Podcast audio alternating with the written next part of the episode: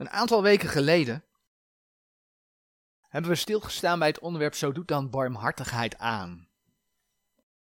En we hebben toen allereerst gezien dat de Heere God barmhartig is.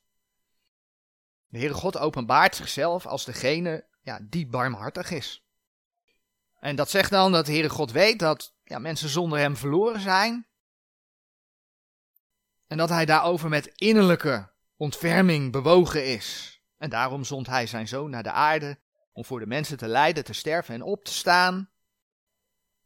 En daardoor kunnen zijn vijanden, want dat deed hij niet voor zijn vriendjes, dat deed hij voor zijn vijanden. Daardoor kunnen zijn vijanden vrede hebben met hem.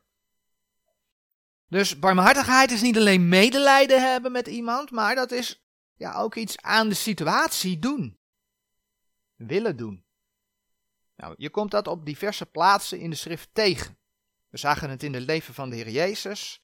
Zijn plaatsvervangend lijden en sterven aan het kruis. Dat is daar een uiting van. Ja, en toen zagen we ook dat de Heere God aan jou als kind van God vraagt om naar de nieuwe mens te leven. Ja, als je wederom geboren bent, als je een kind van God geworden bent, dat je ook naar die nieuwe mens leeft.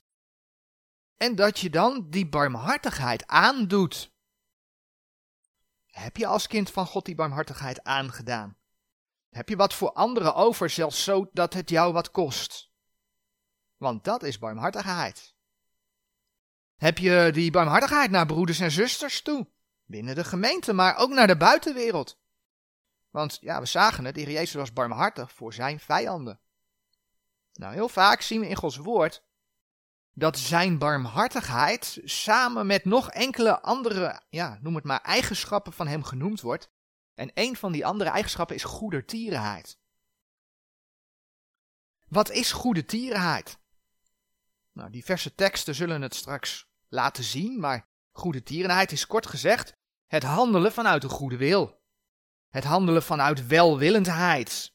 Met het oog ja, op de blijdschap, op het welvaren van de ander.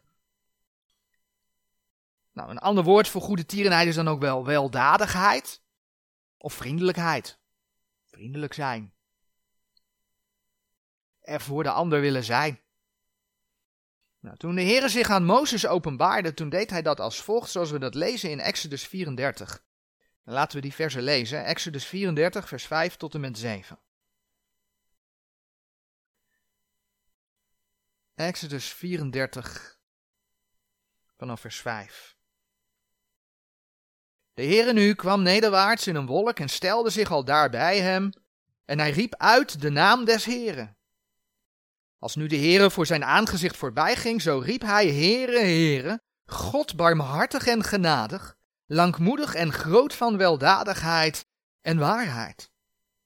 Die de weldadigheid bewaart aan vele duizenden, die de ongerechtigheid en overtreding en zonde vergeeft, die de schuldige geen zins onschuldig houdt, bezoekende de ongerechtigheid der vaderen aan de kinderen en aan de kindskinderen in het derde en in het vierde lid. De Heere God is dus barmhartig. Hij had zijn zonen voor over om mensen redding te bieden. De Heere God is genadig. Hij biedt zijn redding om niet aan. De mensen kunnen dat gewoon om niets krijgen. Hij heeft heel veel geduld. hij is langmoedig. We zagen dat bij het volk Israël, dat iedere keer de mist inging. En toch gaf God hen iedere keer opnieuw ja, de gelegenheid om hem te volgen. En dat zien we vandaag de dag ook. De Heere God heeft nog steeds niet ingegrepen in de geschiedenis. Omdat hij wil dat alle mensen tot bekering komen. En met ingegrepen in de geschiedenis bedoel ik natuurlijk dat hij zijn gemeente thuis haalt, dat de grote verdrukking over de aarde komt. Hè? Want natuurlijk heeft de Heer al ingegrepen in de geschiedenis, hij heeft zijn zoon gezonden. En, maar ik bedoel dat moment dat de Heer zijn gemeente gaat thuishalen en dat zijn oordeel over de aarde gaat komen, die ingreep, daar wacht hij nog steeds mee omdat hij wil dat alle mensen tot bekering komen. Nou, zo is de Heere God ook groot van, dat woord lazen we net in Exodus 34, weldadigheid. Hij is groot van goedertierenheid. En dan lees je ook nog in die versen dat hij vergeeft en dat hij rechtvaardig is. De genade van de Heere God, laten we naar Psalm 86. De genade van de Heere God, zijn barmhartigheid, zijn goedertierenheid, zijn langmoedigheid, die kom je in veel meer Bijbelversen samen tegen. Bijvoorbeeld Psalm 86, vers 15.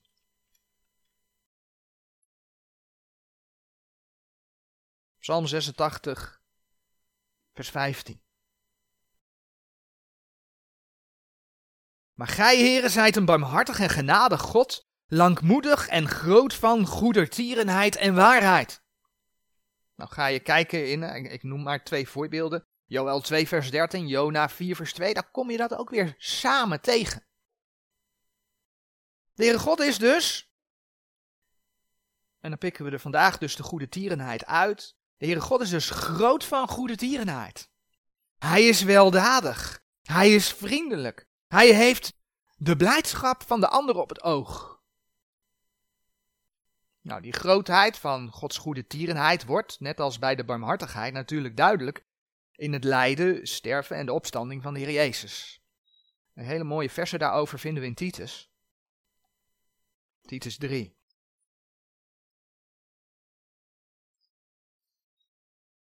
En dan beginnen we te lezen in vers 3. Want ook wij waren eertijds onwijs, ongehoorzaam, dwalende, menigerlei begeerlijkheden en wellusten dienende, in boosheid en nijdigheid levende, hatelijk zijnde en elkander hatende. Alsjeblieft. Maar wanneer de goede tierenheid van God onze zaligmaker in zijn liefde tot de mensen verschenen is, heeft hij ons zalig gemaakt, niet uit de werken der rechtvaardigheid die wij gedaan hadden, maar, en dan komt die barmhartigheid terug, naar zijn barmhartigheid door het bad der wedergeboorte en vernieuwing des heilige geestes, welke hij over ons rijkelijk heeft uitgegoten door Jezus Christus onze zaligmaker, opdat wij gerechtvaardigd zijnde door zijn genade, erfgenamen zouden worden, naar de hope des eeuwigen levens. Dus het was onder andere door Gods goedertierenheid, dat hebben we net gelezen, waardoor hij het mogelijk maakte dat je in Jezus Christus behouden kunt worden. Of als je de Heer Jezus als je persoonlijke verlosser hebt aangenomen, dat je behouden bent. Dat is tevens, laten we net, naar zijn barmhartigheid. Maar zijn goede tierenheid, zijn vriendelijkheid, zijn weldadigheid gaat nog een stukje verder. Want door de wedergeboorte ben je een kind van God geworden. Maar je bent niet alleen een kind van God geworden, je bent niet alleen behouden, je bent tevens een erfgenaam geworden. Je bent tevens een erfgenaam geworden. En dat lazen we net in die versen van Titus 3. Romeinen 8, vers 17 spreekt zelfs over mede-erfgenamen van Christus. Dus het is, zijn goede tierenheid is, de barmhartigheid, je bent behouden. Goede tierenheid gaat nog een stukje verder dan het behoud. Het is behouden, maar het is ook, je wordt als kind van God een erfgenaam van God gesteld. Je hebt een erfenis in het vooruitzicht. De Heere geeft je zoveel. Hij geeft je zoveel. Nou, een psalm die over Gods goede tierenheid gaat is Psalm 136.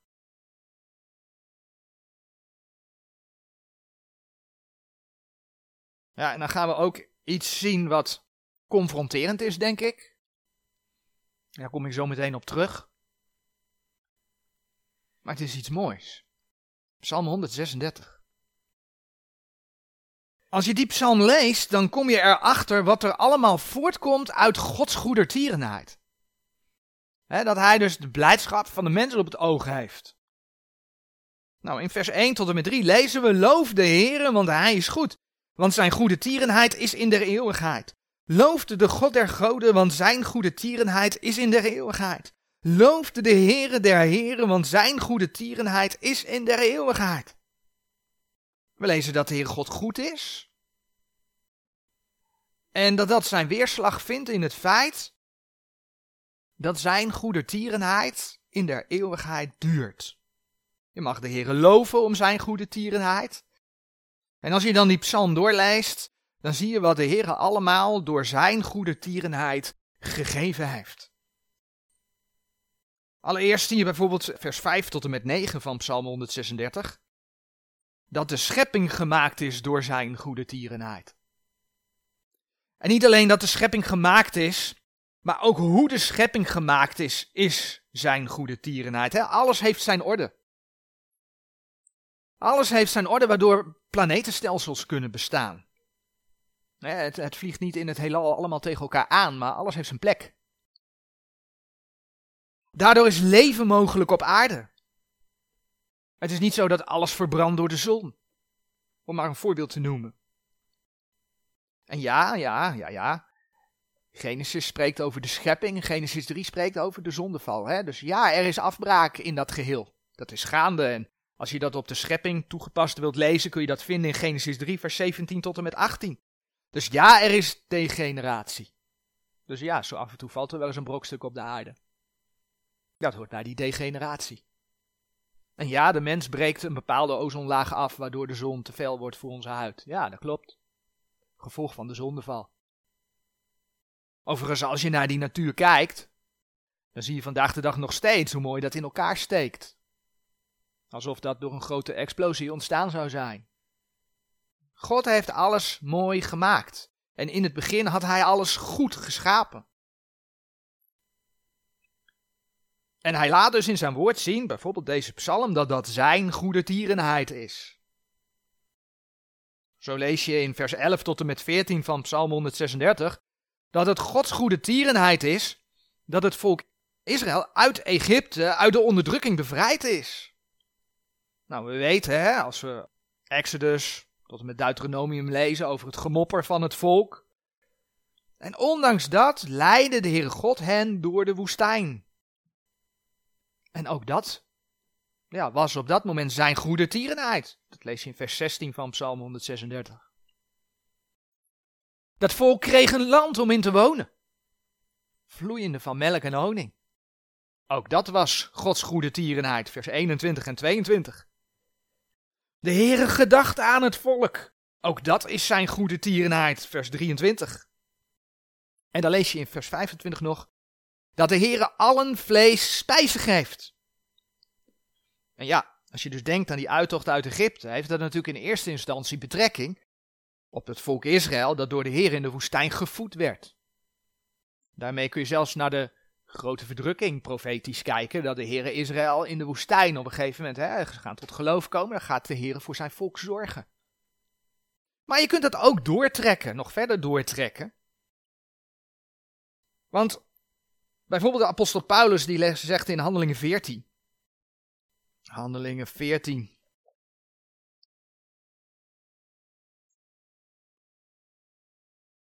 vers 16 en 17. Welke in de verleden tijden al de heidenen heeft laten wandelen in hun wegen. Dat gaat dus over de Heere God, hè? Hij heeft de heidenen laten wandelen, staat daar. In al hun wegen. Hoewel hij nogthans zichzelf niet onbetuigd gelaten heeft, goeddoende van de hemel, onze regen en vruchtbare tijden gevende, vervullende onze harten met spijzen en vrolijkheid. God gaf regen, zodat de mensen konden eten.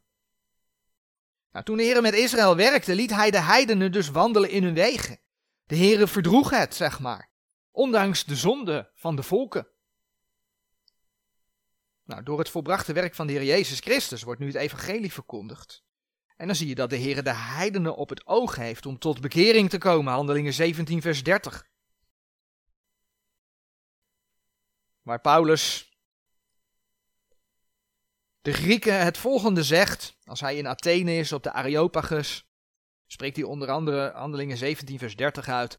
God dan de tijden der onwetendheid overzien hebbende, verkondigt nu alle mensen alom dat zij zich bekeren. Even over het thema van vanmorgen, voor degenen die daar waren opnieuw. Hè? Alle mensen verkondigt de Heer dat. Ook die ongelovige Grieken, niet alleen een select groepje mensen. Je ziet het ook weer. Alle mensen. God dan de tijden der onwetendheid overzien hebbende verkondigt nu alle mensen alom dat zij zich bekeren. Maar intussen, zegt ook Matthäus 5 vers 45, geeft de Heere God zon, geeft de Heere God regen. Zowel over onrechtvaardigen als rechtvaardigen, zodat ze alle kunnen eten. Allemaal.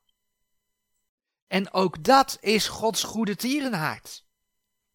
Ook voor de ongelovigen. Want hij geeft hen nog steeds de tijd om tot kennis der waarheid te komen en niet verloren te gaan, maar tot bekering te komen. Gods goede tierenheid reikt dus veel verder.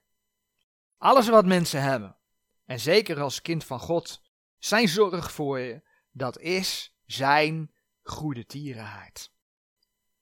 Maar Gods goede tierenheid heeft ook een andere kant. Want wat ik net gedaan heb, is ik heb een paar versen overgeslagen. Daar gaan we zo meteen even naar kijken. En dat is natuurlijk ook hoe christelijke liedjes gemaakt worden. Want ondanks dat het best een mooi lied is, komt laat ons zingen, al tezamen God is goed. Je leest alleen maar de positieve dingen, hè? God is goed. Laat hij de naderen tot zijn troon in melodieën rein en schoon. dat klinkt mooi, mooi om te zingen. Voor elk is plaats in het vaderland is waar, hè? Ik, ik sta hier niet te zeggen dat het niet waar is, is waar, maar het klinkt allemaal mooi. Als zijn verlosten juichen wij en we zijn allemaal blij en vrolijk. Weliswaar wordt er dan even over bezwijken gesproken, ondanks dat is God goed. Hij is de rots die nimmer wijkt. Is ook waar. Maar het is allemaal positief. Nimmer werd schoner zang gehoord, eindeloze eeuwen gaan voorbij, God is goed. Dat klopt. Dat klopt. Maar Gods goede tierenheid houdt veel meer aan. Gods goede tierenheid heeft een andere kant. Want we hebben net gesproken over die verlossing van Israël uit Egypte. Om Israël uit Egypte te bevrijden, moest de Heere God allereerst de eerstgeborene van Egypte doden. Die liet hij sterven. En kijk wat daarover staat in Psalm 136, vers 10. Die de Egyptenaars geslagen heeft in hun eerstgeborene, want zijn goede tierenheid is in der eeuwigheid. Om het volk veilig door de Rode Zee te leiden, heeft de Heere Farao en zijn leger in de zee doen omkomen. En dan moet je kijken wat er in vers 15 geschreven staat van Psalm 136. Hij heeft Farao met zijn heer gestort in de Schelfzee, want zijn goedertierenheid is in der eeuwigheid. Ook dat is klaarblijkelijk Gods goede tierenheid. En weet je, ja, ook dat is rechtvaardig. Want als je in Exodus gaat lezen, dan lees je dat Farao meerdere kansen kreeg. Ja, om te doen wat de Heere God van hem vroeg. Maar Farao zei heel duidelijk, wie is de Heere God? Dat ik hem kennen zou. En wie is de Heere God dat ik hem gehoorzamen zou? Exodus 5 vers 2.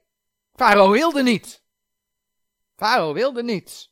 Ja, en als de Heer dan ingrijpt, in dat geval om zijn volk te bevrijden, dan is dat zijn goede tierenheid. Zo zal de Heer de zonde niet zegenen, want goede tierenheid is tot blijdschap van een ieder. Oké, blijdschap voor de ander. Betekent dan dat de Heere God een gokker de gokhal in zijn schoot werpt, want dan is hij tenminste blij. Klopt het dan dat de Heere God, een, een, iemand die aan de drank verslaafd is, de drank in zijn schoot werpt, want dan is hij tenminste blij? En zo kun je allerlei andere dingen die ook met het vlees te maken hebben, hè, de laatste tijd over gesproken en zo. Dat de Heere God dat allemaal geeft, muziek, muziek, muziek hebben we het over gehad. Dat de Heere God dat geeft, want ja, weet je, dan is de jeugd zo blij. Dan kunnen ze zich vermaken. En dan heb ik het natuurlijk even niet over over de muziek die tot eer van de Heere God is, maar dan heb ik het over de top 40 waar we bij stilgestaan hebben.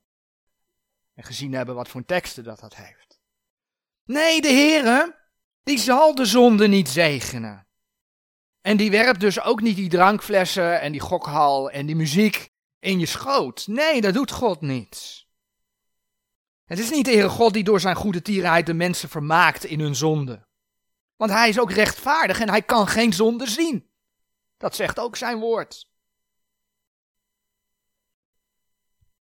Maar het is wel Gods goede tierenheid, die, zoals 2 Petrus 3 vers 9 zegt, die maakt dat de Heere God het verdraagt. Hij is langmoedig, hij heeft heel veel geduld. Dat hij de zonde verdraagt, dat hij de mensen laat gaan, laat wandelen, hebben we gelezen in Handelingen. Waardoor mensen de tijd hebben om ja, zich te bekeren. Want hij wil niet dat enige verloren gaan, maar dat zij alle tot bekering komen. Hè? 2 Petrus 3, vers 9. Hij wil helemaal niet dat zielen naar de hel gaan. Hij wil dat die zielen gelukkig worden. Omdat ze gered worden. En daarvoor heeft hij heel veel geduld. En hij verdraagt die zonde en die ongerechtigheid op dit moment nog steeds. En dat is dus niet alleen zijn langmoedigheid, maar dat is ook zijn goedertierenheid. Hij heeft het beste voor met alle mensen nog steeds. Hij biedt het een ieder aan. Maar dat betekent dus niet dat ieder automatisch behouden is. Als je naar Efeze 2 vers 7 bladert. Efeze 2 vers 7.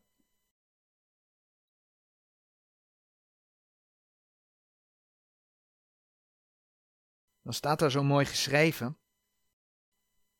En dat wijst weer op, op die voorwaarden die de Heere God stelt. Om behouden te worden. Behoud is in één persoon.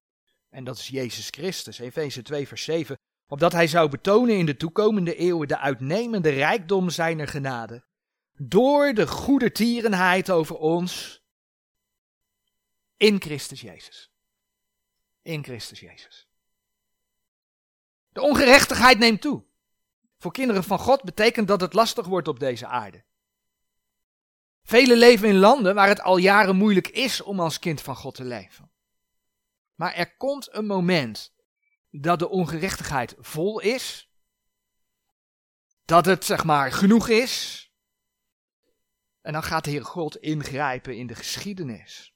En ja, en dat betekent net als bij Farao de ondergang van degene die de Heer Jezus Christus verworpen heeft. Dat betekent, degene die op de brede weg zijn, dat betekent het eeuwig verderf.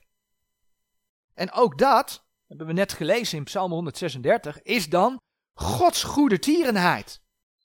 Want op het moment dat hij gaat ingrijpen, kan op een gegeven moment zijn gerechtigheid over deze aarde komen. En dat is waar de Heere God naartoe werkt. En in die toekomst, en voor de gemeente begint dat natuurlijk, bij dat moment dat de Heer zijn gemeente komt halen, zal voor een kind van God de uitnemende rijkdom zijner genade helemaal duidelijk worden. Efeze 2 vers 7.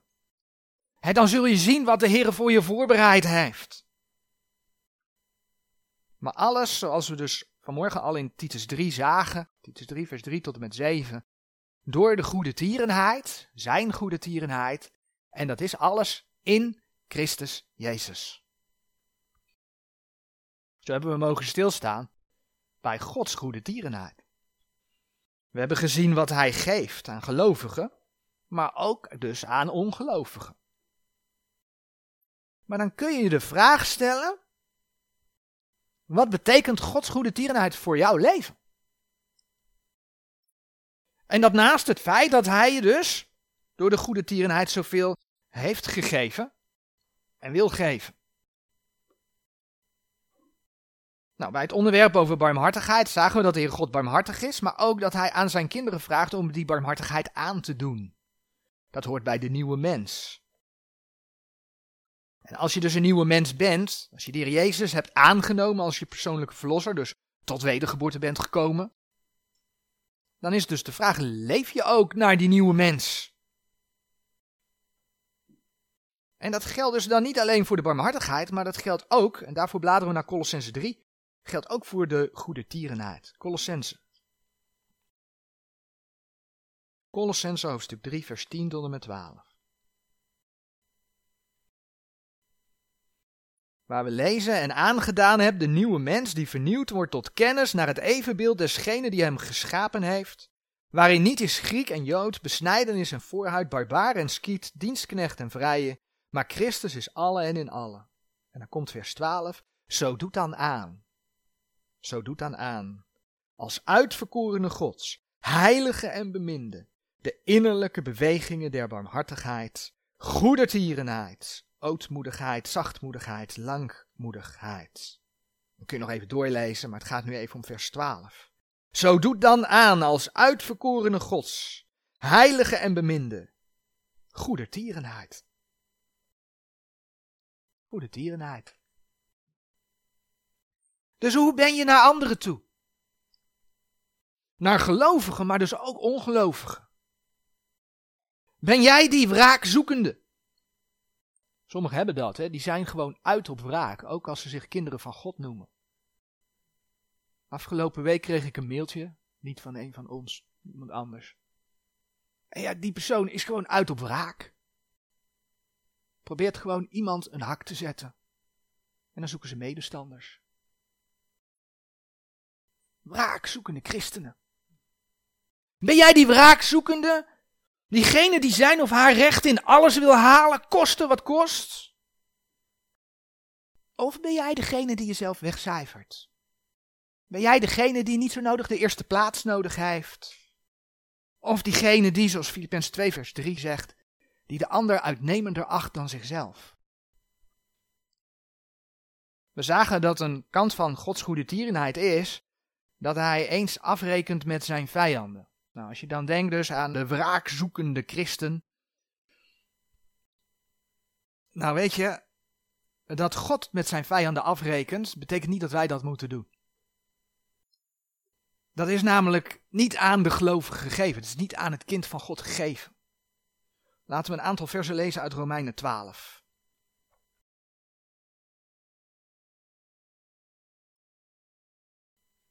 Romeinen 12. Vers 14. Zegent hen die u vervolgen, zegent en vervloekt niet. Gewoon een brief aan de gemeente, hè? Verblijdt u met de blijde en weent met de wenende. Wees eensgezind onder elkander, tracht niet naar de hoge dingen, maar voegt u tot de nederige. Zijt niet wijs bij uzelf. Vergeld niemand kwaad voor kwaad, bezorgt hetgeen eerlijk is voor alle mensen. Indien het mogelijk is, zoveel in u is, houd vrede met alle mensen. En dan komt hij. Wreekt uzelf niet. Wreekt uzelf niet, beminde. Maar geeft de toren plaats, want er is geschreven, mij komt de wraken toe, ik zal het vergelden, zegt de Heer. Indien aan uw vijand hongert, zo spijzig hem, indien hem dorst, zo geef hem te drinken, want dat doende zult gij kolenvuurs op zijn hoofd hopen. Word van het kwade niet overwonnen, maar overwin het kwade door het goede. In deze versen zie je wel hoe de Heere wil dat je goede tieren bent naar je medemens. En wraak is niet aan jou. Wraak is aan de Heere. En zolang de Heere geduld heeft met de mensen, vraagt hij aan zijn kinderen om goede tieren te zijn. Om het goede voor de ander op het oog te hebben. Nou, als je als kind van God goede tierenheid aan moet doen, dan betekent dat dat je iets anders af moet leggen. Colossense 3 vers 8 geeft daar een aantal voorbeelden van. Er staan meer voorbeelden, maar ik beperk me tot deze, omdat die ja, eigenlijk het tegendeel van de vriendelijkheid zijn, van, van de goede tierenheid. Colossense 3 vers 8. Maar nu legt ook gij dit alles af, namelijk gramschap, toornigheid, kwaadheid, lastering, fel spreken uit uw mond. Dat zijn allemaal dingen die met de oude mens te maken hebben. Die je ja, in je positie als christen eigenlijk afgelegd hebt. Maar dan zegt de Heer dus, door dit gedeelte heen, leg het dan ook daadwerkelijk af. Doe het weg. Gramschap, toornigheid, kwaadheid, lastering. Zoals ik al zei, eigenlijk het tegenovergestelde van vriendelijkheid, van goede dierenheid. Nou, dan lees je in, in Gods woord, Efeze 2 vers 3, dat de mens van nature is een kind des torens. Dan lees je, dat gelaten 1 vers 4 onder andere, dat de wereld in het boze ligt. Nou, als je dat combineert, dan weet je dus dat, ja, dat mensen van nature eigenlijk boos zijn. Ze zijn overgeleverd om te zondigen. Nou, betekent het dat ze dan ook daadwerkelijk hè, in alles boos zijn, altijd? Nee, natuurlijk niet. Natuurlijk niet. Ook ongelovigen kunnen best vriendelijk zijn, kunnen best vriendelijke mensen bij zijn. Ik denk dat we er allemaal wel voorbeelden van kennen. En ik denk soms dat sommige ongelovigen soms zelfs nog een beetje vriendelijker kunnen zijn dan sommige gelovigen. Ik noem maar even wat. Zo kwam Paulus op zijn reis naar Rome, dat is gewoon een voorbeeld uit Gods woord, na schipbreuk geleden te hebben in een, in een storm, kwam hij op het eiland Melite. Dat lezen we in Handelingen 28. En dan zegt de schrift, dan komt hij onder de barbaren. Moet je kijken wat daar staat. Handelingen 28, vers 1 en 2.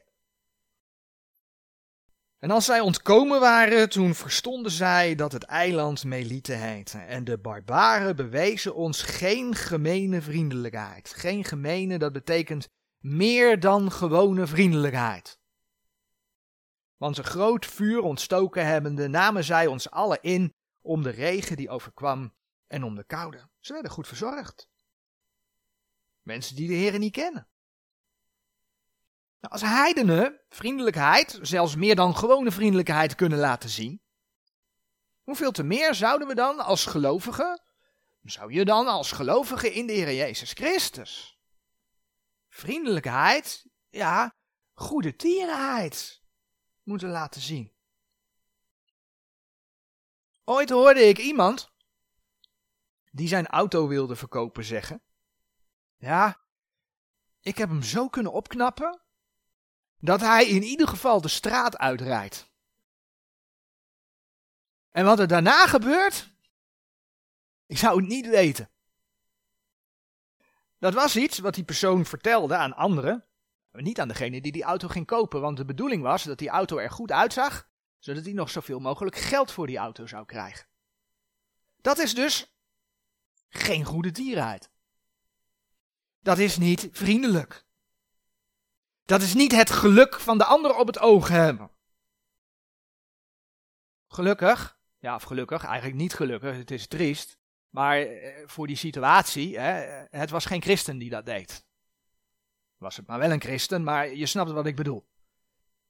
Zou je dit als christen doen? Ja, weet je, dan gaat je getuigenis voor de Heer, hè? Zondag in de kerk en dan ondertussen. Dat is geen goed getuigenis. Maar het zou ook gewoon zonde zijn. Zonde ten opzichte van de Heere God. Want wat vraagt de Heere God? We hebben het net gelezen. Hij vraagt je om de goede tierenheid aan te doen. En wat doe jij? Jij gaat andere mensen, ja, bedriegen. Geld ontfutselen. Als christen hoor je anders te doen. hoor je eerlijk te zijn. Dus dit is eigenlijk een heel simpel voorbeeld. Even eigenlijk een negatief voorbeeld, maar een simpel voorbeeld waardoor duidelijk wordt. Hoe kun je dan gewoon in de praktijk goede tierenheid brengen? Nou, door eerlijk te zijn. Door goed te zijn voor de medemens. Nou, dan komt de Heer je daarin te hulp. Daarvoor bladeren we naar Galaten 5 vers 22.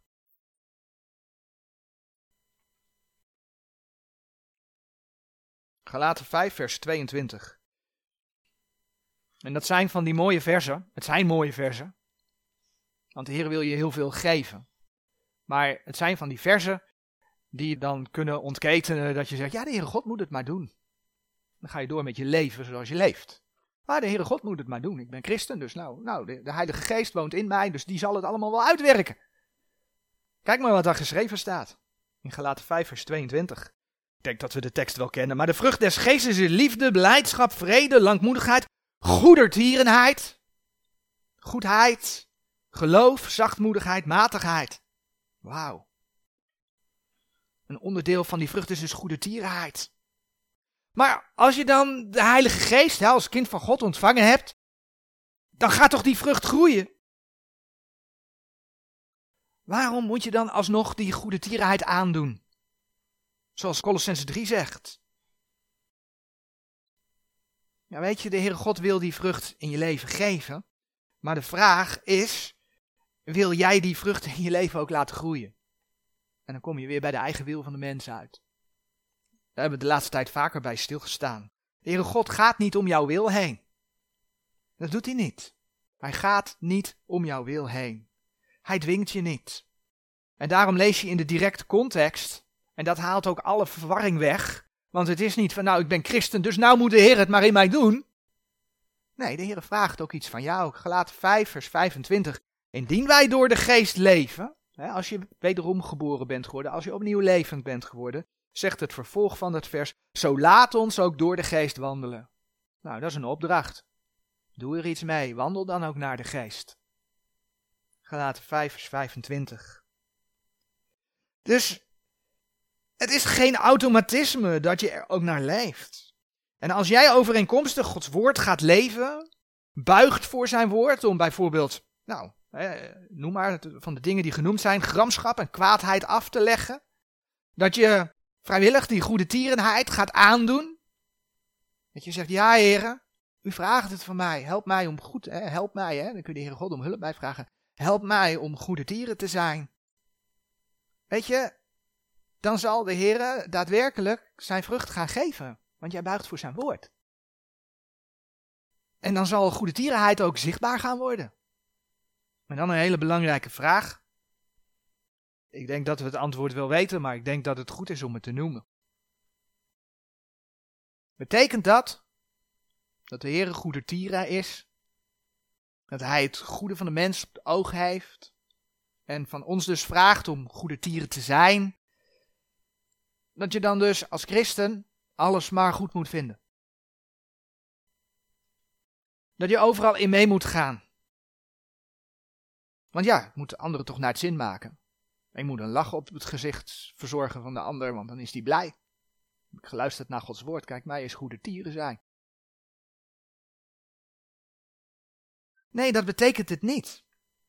Laten we naar 1 Thessalonicense bladeren. Paulus die zegt op een gegeven moment in de brief aan de Thessalonicense dat hij zich vriendelijk gedragen heeft, dat hij vriendelijk geweest is bij ze. 1 Thessalonicense 2 vers 7. Zegt hij niet alleen over zichzelf, maar dat zegt hij over degenen die met hem waren. Ook. Maar wij zijn vriendelijk geweest in het midden van u, gelijk als een voedster haar kinderen koestert. Paulus die had zorg voor, voor de mensen.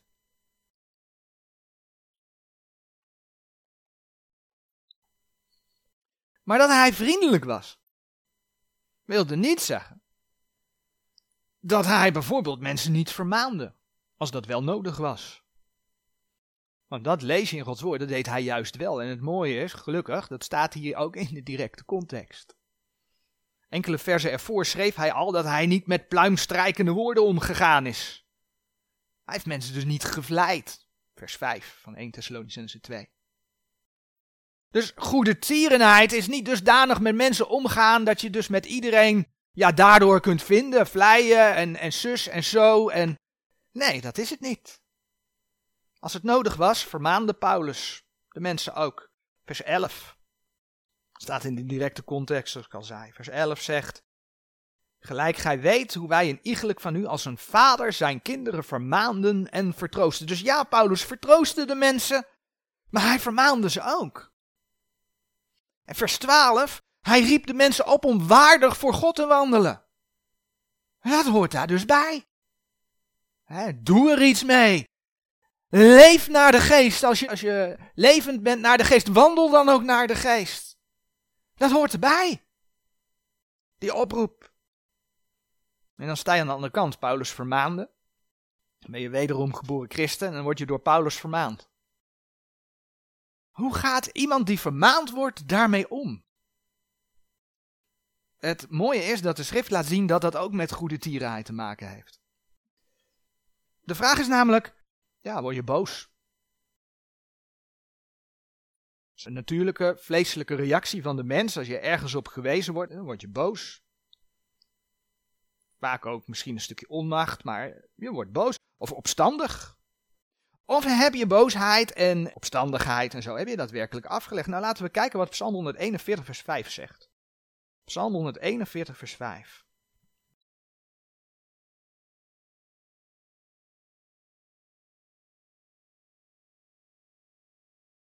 Daar zegt David: De rechtvaardige sla mij. Ja, de rechtvaardige sla mij. Het zal weldadigheid zijn. Het zal goede tierenheid zijn. En hij bestraffen mij, het zal olie des hoofds zijn.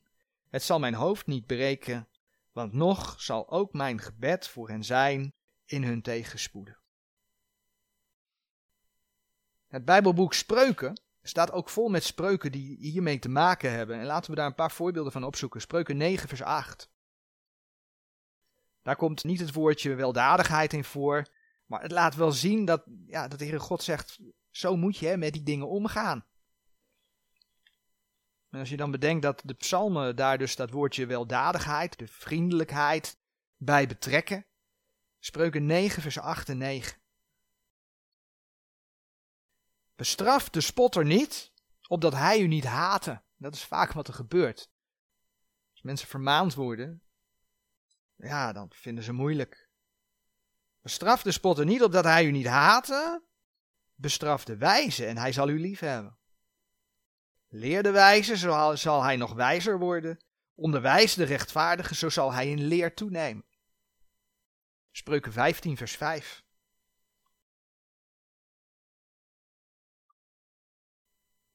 Een dwaas zal de tucht zijns vaders versmaden, maar die de bestraffing waarneemt, zal kloekzinniglijk handelen. Een vermaning uit liefde, uit goede tierenheid gedaan, heeft dus nut. Dat heeft met trouw te maken. Bladeren we nog naar Spreuken 27, vers 5 en 6. Daar zie je dat het wel degelijk wel een beetje ook met die weldadigheid te maken heeft. Vers 5. Openbare bestraffing is beter dan verborgen liefde. De wonden des liefhebbers zijn getrouw. Ja, als je dus bestraft wordt, daar staan die wonden voor. Als dat van liefhebbers komt, dan is dat getrouw. Maar de kussingen des haters, ja, mensen die positief over je spreken, maar op de achtergrond hele andere gedachten over je hebben, dan zeggen de heren, die zijn af te bidden. Wauw. Maar dit is wel de realiteit van het leven. Dit is wat je tegenkomt. Gods liefde en goede tierenheid gaan niet zonder waarheid, zegt bijvoorbeeld ook 1 Korinthe 13 vers 6. Hè, dat hele bekende hoofdstuk over de liefde waar vaak over gesproken wordt. Maar daar staat dan zo mooi in dat de liefde helemaal niets met de ongerechtigheid heeft, maar wel met de waarheid. Liefde en waarheid, dat is niet los te koppelen. En daaruit blijkt dat het ware geluk, de ware blijdschap, ja, dat de Heer God wil geven, dat dat er niet in schuilt om altijd je zin te krijgen. Om altijd naar je mond gepraat te worden. Het Bijbels geluk, de Bijbelse blijdschap zit erin dat je mag groeien in geloof door open te staan voor de waarheid. Door het lezen van het woord, door de prediking van het woord, door vermaningen heen. En als je zo mag groeien in geloof, ja weet je, dan levert dat in de toekomst gewoon meer loon. Maar zo is het, want je groeit in de dingen van de Heere God. Dat gaat je in de toekomst meer loon geven in de eeuwigheid. Niet bij je werkgever. In de eeuwigheid bij de Heer gaat je dat meer loon geven. Dus moet je je voorstellen, waar Efeze 2 vers 7 over sprak, wat dat een uitnemende rijkdom zijnde genade is, door de goede tierenheid in Christus Jezus. Dus de Heer is goede tieren. Hij heeft je als kind van God zoveel gegeven. En als je de Heer nog niet kent, hij wil je zoveel geven. Leef je als kind van God daadwerkelijk naar de nieuwe natuur en heb je de goede tierenheid aangedaan? Ben je niet gericht op gramschap, op kwaadheid, maar heb je het goede op het oog in de omgang met de ander? Kun je verdragen en kun je ermee omgaan als je vermaand wordt door het woord van God? Allemaal vragen die je dus door dat onderwerp goedertierenheid gewoon aan jezelf kunt stellen. En dan bladeren we nog naar Galaten 6 vers 9. De tekst staat op de dia. Maar ik wil ook graag vers 10 erbij lezen. Dus laten we die versen gewoon als afsluiting opzoeken. Galaten 6 vers 9 en 10. Vers 9. U hebt de Heer Jezus Christus leren kennen. U bent zo goed. Oh nee, dat staat er niet. Wat er wel staat is het volgende. Geschreven aan de gemeente van Jezus Christus, aan kinderen van God. Doch laat ons goeddoende niet vertragen. Want te zijner tijd zullen wij maaien, zo wij niet verslappen. Daar heb je dat loon, hè? Te zijner tijd zullen wij maaien, zo wij niet verslappen. Zodan terwijl wij tijd hebben, laat ons goed doen aan allen, maar meest aan de huisgenoten des geloofs. Amen.